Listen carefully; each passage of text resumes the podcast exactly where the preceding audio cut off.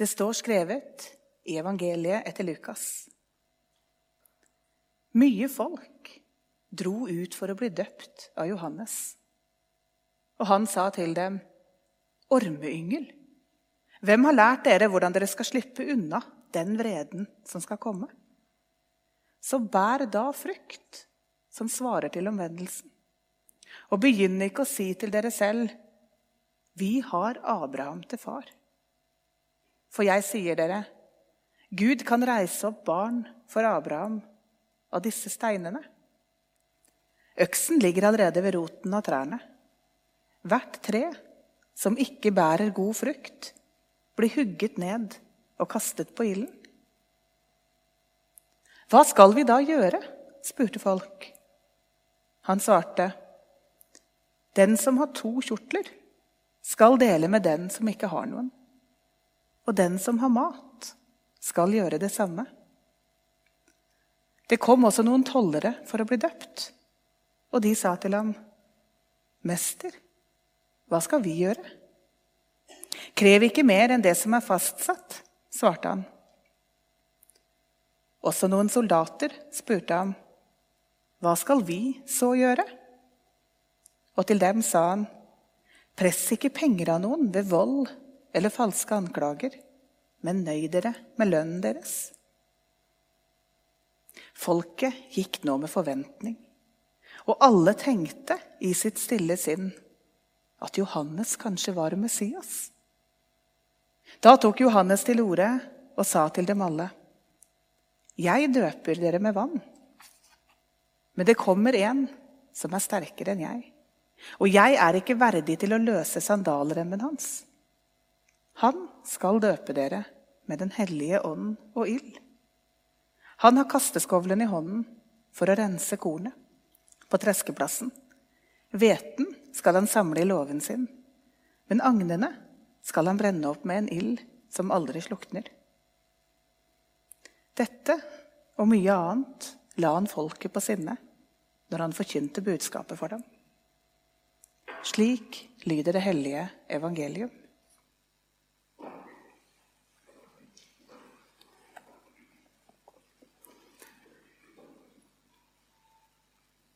Da jeg var liten, var advent det beste jeg visste. På en eller annen forunderlig måte så klarte mamma å gjøre adventstida til en sånn tid som det bare skinte av. Og da jeg fikk barn sjøl, så hadde jeg så store forventninger til advent. Og så skar det seg jo helt. Lenge før jeg kom på å kjøpe lilla lys, så var det jo tomt i butikken. Og ettåringer og toåringer og treåringer og fireåringer oppover er ikke nødvendigvis der jeg er på at nå skal dette være idyllisk og fint. Også i år starta vi adventstida med at en av ungene sa «Mamma, hvorfor er du alltid så sur når det nærmer seg jul. Og så har jeg etter hvert innsett at idyllen og innholdet ikke alltid henger sammen. Men det jeg har erfart likevel, gjennom elleve år med unger i adventstida, det er at det vi får til Vi, får, vi krangler like mye. Og vi har det ikke så veldig idyllisk og reint og ryddig hjemme. Men det vi gjør når det er advent, det er særlig to ting. Det ene er at vi rydder. Jeg er også vokst opp i et hus der vi ikke så veldig ofte rydda. Vi var mange barn, og jeg skal visst ha sagt når jeg var liten at det er godt vi er så mange i familien, for hver gang det er bursdag, så rydder vi. Og det var jo flaks at vi da hadde noen bursdager å rydde til. Men vi rydder litt i adventstida. Og når vi rydder, så gjør vi det på en måte klart til noe. Da er det akkurat som at jeg senker skuldrene litt og tenker at nå er jeg klar til at det skal skje noe. Nå har jeg rydda. Og det andre vi gjør i adventstida, det er at vi lager et rom for å fokusere på en liten del. Hjemme hos oss så pakker vi fremdeles ut en figur av julekrybba hver dag. Jeg er spent på hvor mange flere år jeg får til det. Men enn så lenge så får, lov, får jeg lov å pakke inn julekrybba. Og det som skjer når vi da setter oss til frokosten og pakker ut den figuren, det er at jeg har et minutt eller to den dagen til å snakke om akkurat den figuren. Elisabeth, ja. Husker dere hvem hun var? Og så får vi en bitte liten samtale ved frokostbordet om hvem Elisabeth er. Og til sammen gjennom adventstida så har vi brukt ganske mye tid på å snakke om egentlig én eneste fortelling i Bibelen. Den fortellingen kan ungene ikke bare som en fortelling fra A til Å, men de kan alle detaljene òg. Vi stopper opp og snakker om det fordi vi lager oss et rom som gjør at vi kan gå dypere inn i det. Hver søndag i adventstida så møter vi den voksne Jesus. Noe helt annet enn den babyen som er lagt litt for tidlig i krybba her. For advent handler om mye mer enn kosen og idyllen. Det er ganske stor kontrast fra det Johannes snakka om i dag, til å tenne adventslys og gjøre det hyggelig hjemme. Jeg tror vi trenger begge deler. Johannes rydda. Han rydda sånn at veien skulle være klar for at det kom noen etterpå. Jeg har vokst opp med at det var mye snø. Sikkert mer i hukommelsen min enn det var i virkeligheten. Men jeg husker det som at det var mye snø om vinteren hjemme. Og da måtte naboen komme og brøyte.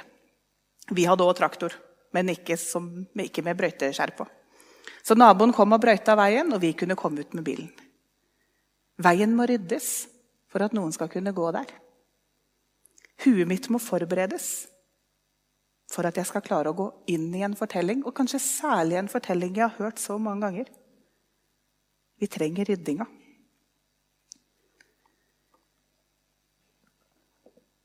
Og enda så er Johannes så krass. Jeg har på meg en lilla stola. Det henger et lilla antipendium foran her. Lilla er fargen vår i adventstida. Det er også fargen i fastetida. Fargen på bots- og bønnedag. Fargen hver gang det er begravelse. Dette er fargen for forberedelse. Fargen for bot. Fargen for sorg. Og så er det fargen for at noe møtes. Den blå fargen for himmel og den røde fargen for jord. Med litt svart inni så blir det den fiolette stolen.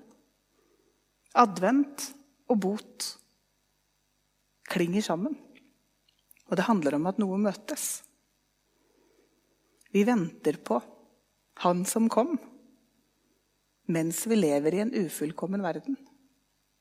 Og Johannes utfordrer oss i det til å leve som Jesu etterfølgere. Johannes døpte til omvendelse. Mange kom. På gresk er det to ord som kan oversettes med omvendelse. Det ene, epistrefein, betyr å snu seg rundt, vende seg med kroppen en annen vei. Mens det andre, metanoiaen, betyr å forandre sinnet. Tenke på en annen måte. Det handler om å angre. Og det er det siste ordet som er brukt i denne teksten. Ordet som handler om å forandre tanker og sinn. Og så fortsetter Johannes å utfordre på å bære en frukt som svarer til den omvendelsen. Det, det er endringa i hvordan jeg tenker. Lev livet som det, at ikke det bare er en forandring i hodet, men at det faktisk også får noen konsekvenser. Og Johannes er veldig konkret. Den som har to kjortler, skal gi bort den ene. Den som har mat, skal dele.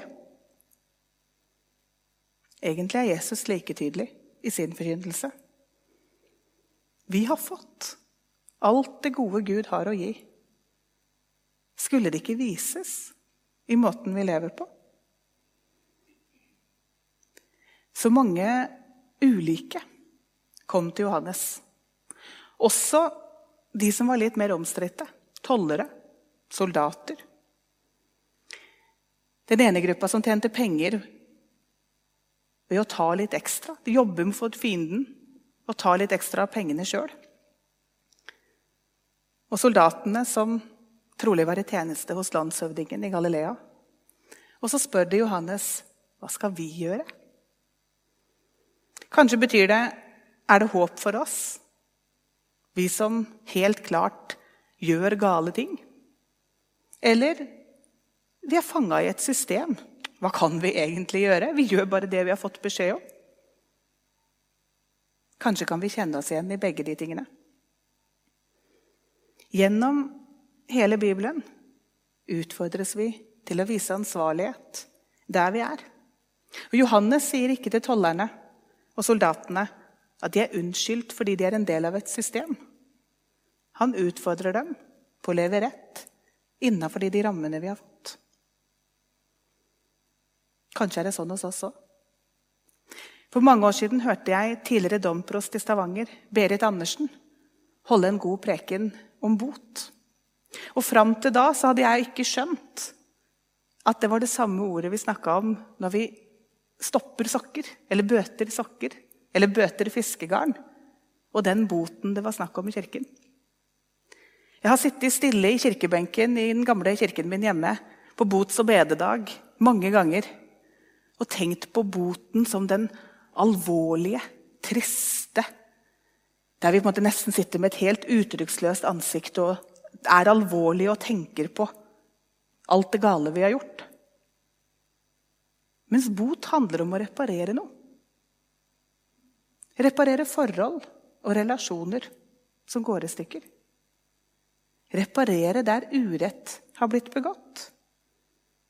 Reparere skeivhet, ulikhet i samfunnet. Og Vi kan nå føle oss bindet av et system.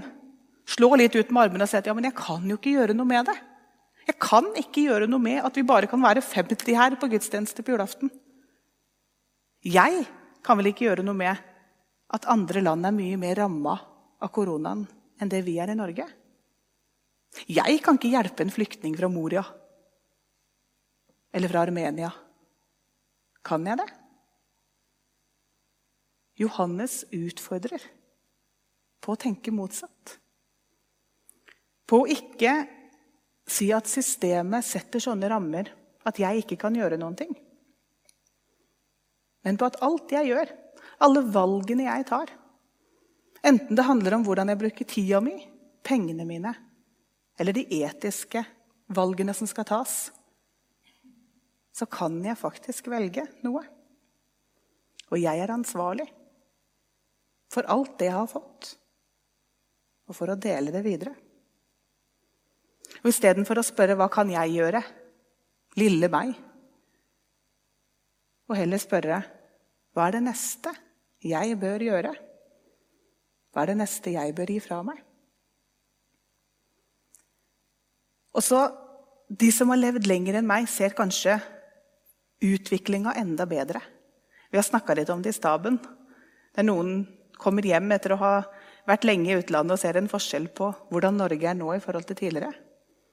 Vi har blitt veldig opptatt av jeg og meg og mitt istedenfor vi og vårt.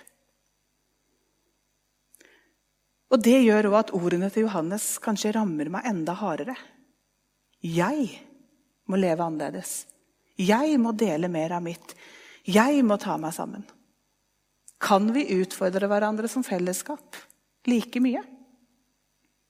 Kan vi utfordre hverandre til å lage et menighetsfellesskap og et bygdefellesskap. Og et samfunn der vi er interessert i å dele. Der jeg gir av mitt. Og der vi hjelper hverandre til å åpne opp øynene når vi trenger hverandre. Vår Herre Krist er hos oss nå. Han bor i sine minste små. En ordløs bønn fra åpne sår. Han hvisker, 'Følg meg hvor jeg går'. Jeg er veldig glad i å tenne adventslys. Jeg er glad i kosen i adventstida òg.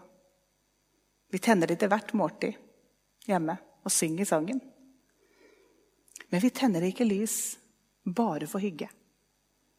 Vi tenner lys til, i bønn til Gud, for verden og vår neste. Vi tenner lys for å minne oss sjøl på hva advent og jul faktisk handler om. Og den litt skarpe teksten vi har hørt fra Johannes, balanseres av de to andre som Svein Arne leste. Jesajas ord om trøst. Ordene som er skrevet til et folk som levde i eksil. Som ikke var hjemme.